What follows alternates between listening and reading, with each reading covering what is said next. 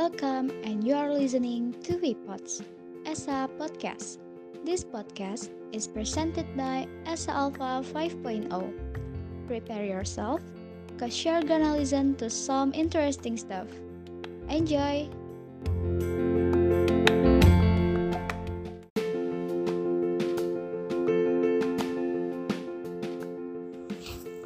Bismillahirrahmanirrahim. Jadi selamat datang di ESA Podcast kali ini.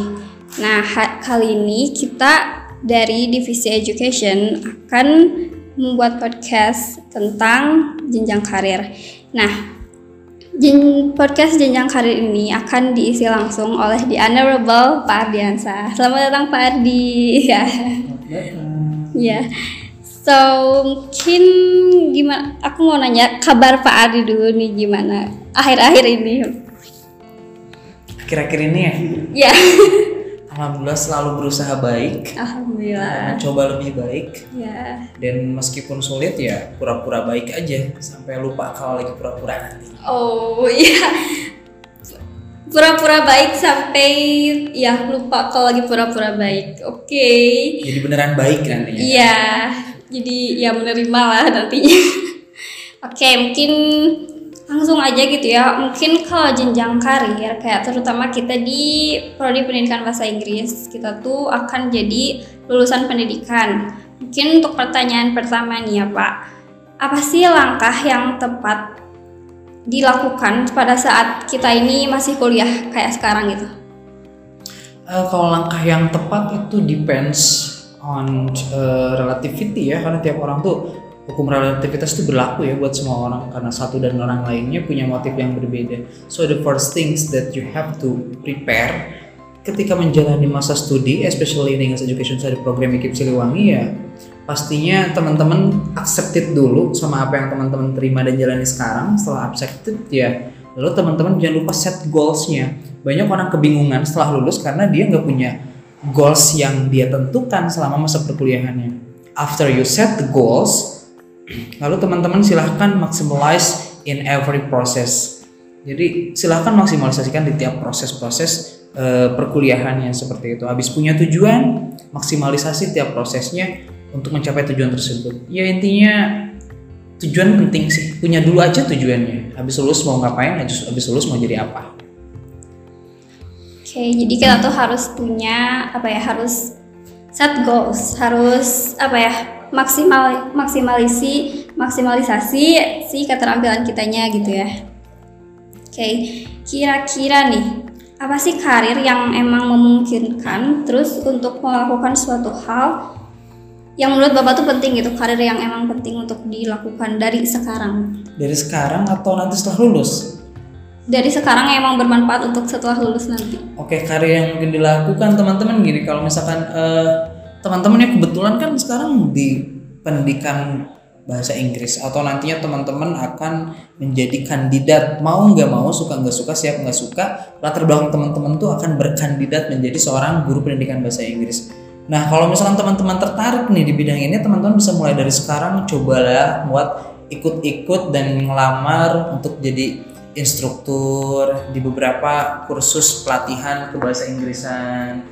Lalu teman-teman mungkin kalau punya ada saudaranya yang ada di sekolah formal, teman-teman juga bisa ikut masuk ke sekolah formal untuk sekedar uh, menjadi guru pengganti terlebih dahulu. Ya intinya ketika teman-teman uh, punya prospek dan keinginan merajut dan uh, melaksanakan karya teman-teman memang di dunia pendidikan, especially in English education atau di pendidikan bahasa Inggris ya teman-teman bisa mulai dari sekarang ya minimal ngajar-ngajar kursus dulu lah itu biasanya part time dan juga luar biasa buat income-nya sangat berpengaruh buat finansial teman-teman dan teman-teman yang juga punya saudara di sekolah-sekolah formal teman-teman juga bisa bisa mulai masuk lah buat sekedar jadi guru pengganti yang lagi cuti nanti guru bahasa Inggrisnya dan sebagainya Ya, jadi pokoknya cari pengalaman lagi aja di betul betul, betul. iya pengajarannya gitu. Well, untuk pengalaman, tadi pengalaman. Sekarang ke gini deh. Kan kalau ke pendidikan itu ya guru gitu, Pak. Terus kayak memandang ke sekarang guru tuh di pandangannya tuh kayak ya ber ya apa ya kayak di bawah mungkin kayak maksudnya ya enggak se apa ya enggak sehebat yang lain maksudnya enggak terkenal yang lain menurut bapak itu gimana Nah ini pertanyaan yang cukup seru buat dibahas ya. Eh Sebenarnya gini, teman-teman mau dibayar atau teman-teman mau dihargain oleh orang atau oleh sebuah institusinya apanya? Statusnya kah, ijazahnya kah, atau kemampuannya? Kalau misalkan saya pribadi ya, saya pengen dihargain kemampuan saya ya sebanyak Uh, semakin banyak kemampuan saya, semakin banyak juga saya akan dibayar. Jadi kalau misalkan teman-teman melimitasi bahwa guru-guru di sekolah itu gajinya uh, minim ya, dalam artian masih jauh lah dari kata sejahtera, karena mungkin memang uh, dasarnya anggaran pembelanjaan entah itu dari dinas dan kementerian yang memang terbatas untuk mengadakan atau pengadaan guru baru atau pengeja, pen, apa perekrutan guru baru itu menjadi dasar bahwa sekolah berinisiatif untuk menambah guru tapi memang budgetnya dengan budget yang uh, swadaya seperti itu. Jadi hal semacam ini bisa diakali kalau misalkan teman-teman balik lagi tadi teman-teman mau dibayar apanya? Statusnya sebagai guru statusnya sebagai sarjana pendidikan atau mau dibayar sesuai kemampuan yang teman-teman punya? Itu kan pilihan gitu. Semakin banyak teman-teman mampu saya percaya sebuah institusi atau orang banyak juga akan mengapresiasi kemampuan-kemampuan tersebut dengan nilainya tersendiri gitu. Oke, jadi ya balik lagi ke pandangan masing-masing gimana kita nerima gimana ya seharusnya bagaimana. Mungkin selain jadi guru sebenarnya lulus apa lulusan SPD itu lulusan pendidikan tuh ada nggak sih kayak jenjang karir yang lainnya gitu prospek kerja lainnya Nah, sebetulnya kita kan harus membuka mata. Di samping membuka mata, kita juga harus buka-bukaan ya, tapi jangan sampai buka aurat ya. Iya, Dalam artian buka-bukaan adalah buka hatinya, buka pemikirannya dan buka juga ya. wawasannya, buka juga relasinya, buka juga jangan jangan jangan terlalu bangga lah untuk zaman sekarang jadi orang yang insecure ya. Kayaknya aku orangnya yang insecure tapi itu nggak ada apa ya nggak ada faedahnya sama sekali kalau misalkan kita ngomongin karir sebetulnya. Nah untuk pendidikan sendiri atau sarjana pendidikan kita kan di sini punya beberapa keyword atau kata kunci sebetulnya. Yang pertama pendidikan. Kita bakal belajar tentang pendidikan, bagaimana secara formal pendidikan itu diadakan dan bagaimana secara acquiring pendidikan itu atau pendidikan itu diperoleh. Ada yang dibelajarkan, ada yang diperoleh. Kita akan belajar tentang banyak hal pedagogik, tentang metodenya, tentang materinya, tentang pendekatan yang digunakannya, tentang teaching innovationnya and so on so far. Lalu kita punya di sini bahasa dan kita di sini punya bahasa Inggris. Kita juga belajar tentang bahasa. Apakah sama bahasa Indonesia dan bahasa Inggris secara garis besar tidak jauh berbeda? If we are talking about linguistic, itu bahasa itu sama-sama saja sebetulnya. Hanya penyebutan dan label dari tiap bahasa itu berbeda di kita kan punya grammar terus misalkan di Indonesia itu ada kaidah berbahasa terus di bahasa Sunda itu yang namanya undang-undang bahasa gitu sebetulnya penyebutannya aja yang berbeda terus kita belajar bahasa Inggris dan itu juga bisa jadi pemerolehan pembendaharaan seorang SPD pendidikan bahasa Inggris. Di mana yes we can talking about education and pedagogically we are talking about language and we are talking about the English language itself about the English itself. Jadi banyak sekali ketika teman-teman sudah bisa berhasil memetakan hal-hal tersebut, teman-teman bisa menurunkan itu menjadi peluang-peluang karir yang sebetulnya sangat-sangat lebih e, terbuka, especially di masa digitalisasi seperti saat ini gitu. Seperti contohnya kita kan bisa jadi guru automatically SPD itu guru loh masuk iya. sekolah formal jadi guru tapi kan kalau guru itu namanya guru muda pasti ngajarnya dikit, terus pasti honornya juga dikit. Ya kita belak-belakan aja lah. Everything if you are talking about career, it's similar with financial uh, rich ya, sama financial yang kita dapatkan. Betul, kalau teman-teman cuma ngandalin gurunya aja, ngajarnya aja, pasti teman-teman akan mungkin merasakan kesenjangan secara finansial dibandingkan profesi yang lainnya. Tapi ketika teman-teman jadi guru dan teman punya skill-skill di luar keguruan itu menjadi hard skill atau menjadi kopulekuler yang memang semasa kuliah teman-teman dalami kan teman-teman bisa juga membina beberapa uh, di sana. Ketika performa teman-teman baik, teman-teman mungkin akan diangkat menjadi wali kelasnya. Ketika kontribusi teman-teman loyal, teman-teman mungkin bisa dilibatkan menjadi guru piket, menjadi kepanitiaan, ujian akhir semester atau ujian tengah semester. Itu juga bisa menjadi uh, tambahan secara finansial untuk karir teman-teman sebagai guru. Ketika teman-teman memutuskan untuk berkarir di sekolah formal, dan makin sini ketika teman-teman upgrade pengetahuan teman-teman segala teman-teman kan tidak menutup kemungkinan teman-teman juga bisa mendapatkan jabatan-jabatan di lain di selain fungsional teman-teman juga bisa mendapatkan uh, jabatan-jabatan struktural. For example teman-teman kan bisa aja jadi uh, staf kurikulum ketika teman-teman bagus dalam pembuatan kurikulum teman-teman mengerti betul sintak dalam RPP RPP terbaru gitu langkah-langkahnya dan mengikuti tren-tren dari pembuatan RPP itu sendiri sesuai kebijakan dari dinas dan kementerian lalu teman-teman mungkin bisa menjadi uh, bendahara ketika teman-teman jago di IT nih teman-teman bisa jadi bagian dan tim IT di sekolahnya gitu untuk mempersiapkan segala permasalahan dan segala kebutuhan IT di sekolah tersebut. Tidak menutup kemungkinan gitu. Itu yang bisa kita dapetin nih di sekolah formal. Lalu selanjutnya ada lagi ketika ya saya orangnya tidak mau begitu terikat dalam banyak aturan. Ah, saya pengennya ngajar tapi saya pengen yang santai. Teman-teman kan bisa menjadi language instructor For example, teman-teman daftar ke sebuah uh, bimbingan belajar, especially in English.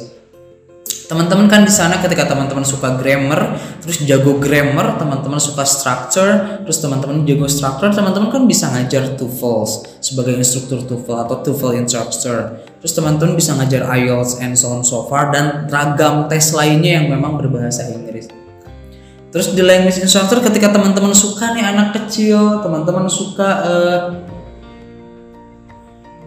ngajarin anak-anak tapi pengen dengan gaya yang lebih santai, teman-teman kan bisa menjadi private teacher di mana memang muridnya juga terbatas. Mereka yang minta, mereka yang pengen secara uh, stimulus pembelajaran akan lebih diterima karena mereka yang pengen biasanya kalau di private uh, teacher gitu. Kalau misalnya teman-teman become a private teacher Terus teman-teman bisa menjadi tes spesialis dalam artian ada beberapa uh, layanan penyedia bimbingan belajar yang memang khusus mempersiapkan beberapa tes-tes mata pelajaran. Nah, teman-teman bisa masuk di situ. Teman-teman bisa ngasih tips and trick tentang bagaimana mengisi tes berbahasa Inggris dan lain sebagainya gitu. Ketika tes reading seperti apa, tes struktur seperti apa, tes mencocokkan seperti apa, fill in the blank seperti apa dan yang lain-lainnya banyak sekali teman-teman ya. Itu baru contoh karir saja di dunia formal atau pendidikan formal dan non formal belum lagi ketika teman-teman menjadi mau menjadi pihak selain guru.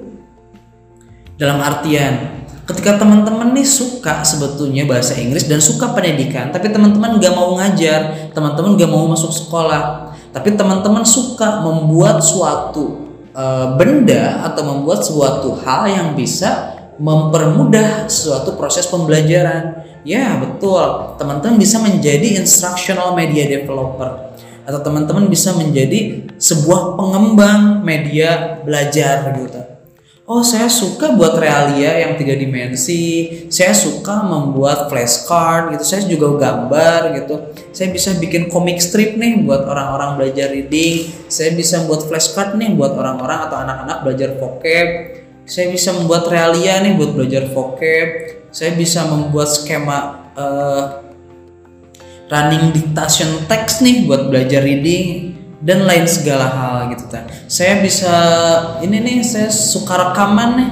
Saya suka rekaman lagu terus lagunya saya edit potong. Nanti ya, yang kosong itu biar orang lain yang ngisi gitu ta dan lain sebagainya untuk berlatih listening and so on so far. You can become a media developer. You can just be a media developer, instructional media developer especially. Lalu teman-teman misalkan saya emang nggak bisa sebetulnya bikin media ajarnya, tapi saya suka bikin materi pembelajarannya. Ya udah jadi materials development. Tapi kalau misalkan jadi material developer, teman-teman harus jago dulu bahasa Inggrisnya teman-teman harus ngerti dulu sistem penelitiannya jangan sampai materi yang teman-teman sajikan atau materi baru yang teman-teman buat itu tidak relevan dengan kemampuan-kemampuan pedagogik yang akan dicapai nantinya oleh anak-anak yang belajar bahasa Inggris seperti itu. Sehingga teman juga teman-teman juga bisa menjadi penulis. Yang hobi nulis nih, bisa nulisnya non fiksi, bisa nulisnya fiksi, atau misalkan nulisnya itu buku-buku sekolahan. Bisa atau teman-teman itu mau bekerja sebagai scriptwriter gitu, atau misalkan teman-teman mau bekerja sebagai konten uh, creator itu teman-teman bisa memanfaatkan kemampuan berbahasa teman-teman especially English gitu. Karena jangan hanya terpaku di pendidikan bahasa Inggris tapi kita uh, penggal ini menjadi kata pendidikan bahasa dan bahasa Inggris gitu kita punya skill kependidikan atau pedagogi kita punya skill kebahasaan dan kita punya skill bahasa Inggris kita bisa memenggal itu menjadi banyak kemampuan yang kita seriusi dan akhirnya melahirkan peluang-peluang karir yang banyak dan tidak terbatas saja hanya di lingkup sekolah formal dan sebagai guru saja. Lalu selanjutnya teman-teman bisa menjadi seorang peneliti nih yang suka menganalisa, yang suka membuat hal-hal yang ilmiah, yang suka uh, menulis. Ini tempat yang paling tepat. Jangan salah, seorang peneliti itu mempunyai income yang lebih besar sebetulnya daripada pelaku-pelaku di kelas dan di institusi-institusi pengajaran. Karena apa? Karena secara empirikal atau secara empiris hal-hal yang dilakukan oleh para peneliti itu membuahkan dan memotivasi serta memberikan eh, kebaharuan terhadap dunia-dunia pendidikan gitu. Jadi teman-teman bisa jadi peneliti Walaupun S1, betul ketika teman-teman punya ketajaman dalam menganalisa dan berpikir analisis serta teman-teman mengerti betul kaidah-kaidah kepenulisan ilmiah, teman-teman suka baca buku referensi dan jurnal-jurnal internasional, tidak menutup kemungkinan teman-teman bisa menjadi peneliti yang handal di bidang pendidikan, di bidang bahasa, dan di bidang pendidikan bahasa ataupun di bidang pendidikan bahasa Inggris itu sendiri. Lalu yang selanjutnya dan yang terakhir, teman-teman bisa menjadi seorang English entrepreneurship atau teman-teman bisa menjual jasa berdasarkan kemampuan yang teman-teman miliki setelah memperoleh proses studi selama 4 tahun dan meraih gelar sarjana pendidikannya. Apa sih English entrepreneurship? Teman-teman bisa menjadi tour guide. Teman-teman bisa ngejual jasa teman-teman jadi tour guide. Di samping kita bisa jalan-jalan gratis kan ya, dibayarin orang, kita juga dibayar nih karena nemenin mereka untuk menerjemahkan perkataan dan setiap komunikasi verbal yang dilakukan di perjalanan tersebut. Teman-teman juga bisa masuk sebagai interpreter. Teman-teman bisa juga masuk sebagai translator. Teman-teman bisa masuk ke institusi-institusi yang memang membutuhkan jasa-jasa seseorang yang punya kemampuan bahasa Inggris atau jasa-jasa alih fungsi atau alih bahasa dari bahasa Indonesia ke bahasa Inggris atau bahasa Inggris ke bahasa Indonesia lingkup kecilnya especially kalau misalkan teman-teman punya kemampuan bahasa asing yang lebih dari bahasa Inggris ya itu menjadi poin tambah tersendiri bagi teman-teman seperti itu sih. Oke, okay. Wah benar-benar insightful banget ya. Ternyata jenjang karir pendidikan itu emang bisa seluas itu. Balik lagi ke cara kita menggali gimana kita apa ya berpotensi di beberapa hal yang emang gak harus jadi guru kita tuh. Ada banyak karir prospek kerja yang emang cocok untuk kita. Asal balik lagi ke kita gimana nyarinya. Nah itu. Jadi mungkin ke apa lagi bro cok mikir gue lah ya tuh. Jadi edit. Nah. Kalau misalnya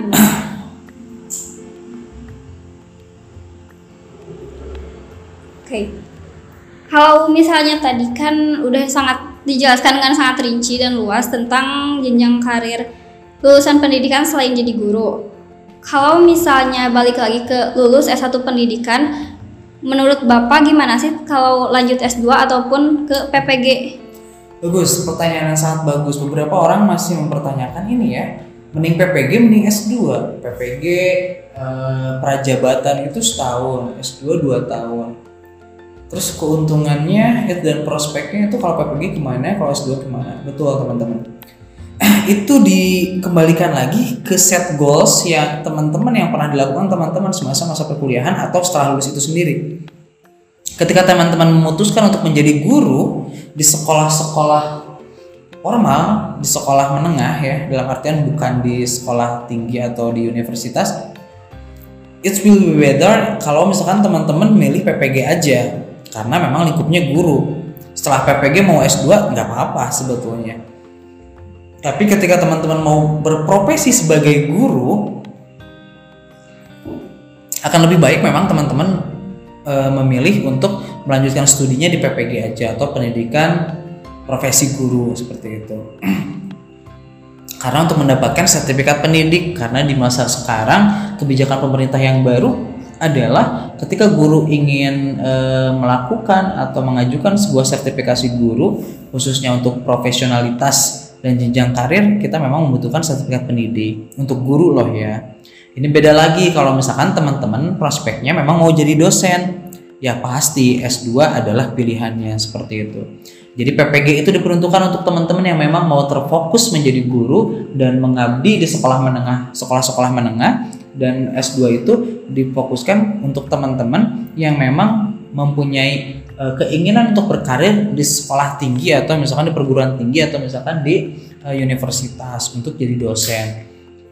Tapi kalau misalkan habis PPG mau S2, it's okay. Nantinya teman-teman secara home base-nya tetap di sekolah menengah teman-teman sebagai guru yang sudah tersertifikasi ijazah S2 teman-teman bisa menjadi uh, tambahan uh, jam ngajar teman-teman serta ruang lingkup keilmuan teman-teman untuk bisa ngajar di perguruan tinggi gitu. Jadi ngajar di SMA bisa untuk home base-nya, tapi nantinya untuk di universitas atau di perguruan tingginya teman-teman ngajar sebagai uh, dosen tidak tetap seperti itu.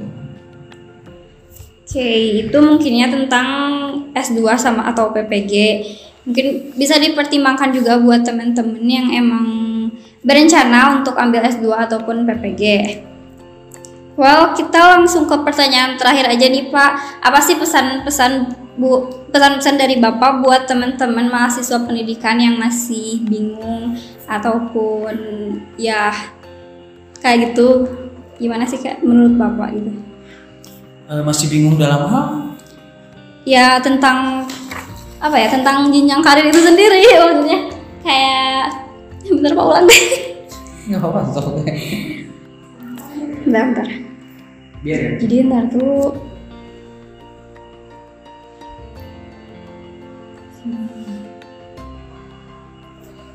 Wah. Well, jadi kita ke pertanyaan terakhir. Apa pesan-pesan Bapak untuk para mahasiswa-mahasiswa pendidikan eh, yang sedang apa ya, yang sedang yang masih kuliah untuk ke depannya nanti gitu? Dalam mempertimbangkan dan mempersiapkan Oh. karirnya nanti. Eh, pertanyaan terakhir nih Pak, gimana sih pendapat Bapak atau pesan-pesan Bapak untuk para mahasiswa yang masih mempertimbangkan untuk karir ke depannya nanti? Paling ketika kita bicarain karir tentang pertimbangan dan juga persiapan itu harus selaras sih. Kita mempertimbangkan karir apa yang akan kita pilih, lalu kita harus secara konsisten dan amanah terhadap pilihan kita mempersiapkan karir yang akan kita pilih nantinya seperti itu. Jadi untuk teman-teman, uh, especially in English Education Study Program yang juga berkelut di program studi pendidikan bahasa Inggris dan juga di program studi pendidikan yang lainnya, pastikan dulu teman-teman menambah atau mencari kemampuan teman-teman sebanyak-banyaknya. Entah itu ekstrakurikuler maupun kokurikulernya jangan lupa. Entah itu eh, akademik dan kemampuan non akademiknya entah itu soft skill dan entah itu hard skillnya. Karena itu harus berimbang ya teman-teman.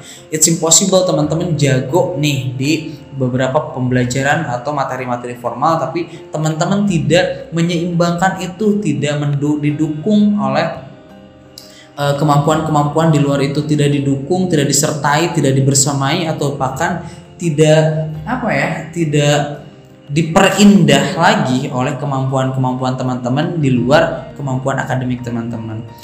Penting belajar dan kuliah dengan sukses, mencapai performa dengan nilai maksimal, tapi juga penting untuk mendampingi kemampuan-kemampuan tersebut Contohnya, kita penting menguasai kemampuan-kemampuan finansial dan ekonomi. Kita juga harus menguasai kemampuan-kemampuan kemampuan-kemampuan IT dan digitalisasi. Kita juga harus menguasai kemampuan-kemampuan seni gitu dan estetik. Seperti itu karena semuanya biar berimbang. Dan setelah itu teman-teman boleh nantinya hanya memilih saja akan dengan cara apa teman-teman berkarir dan teman-teman dihargai nantinya. Setelah semua hal teman-teman pelajari semua hal dan banyak hal teman-teman kuasai dan banyak hal lagi yang teman-teman bisa lakukan dan teman-teman ahli di bidang itu. Selanjutnya kan tinggal milih aja teman-teman mau dihargai secara karir dari segi apanya gitu. Enak kan? Tinggal kita yang milih aja kita mau dibayar apanya kita mau dihargai apanya. Ketika kita sudah menguasai banyak hal.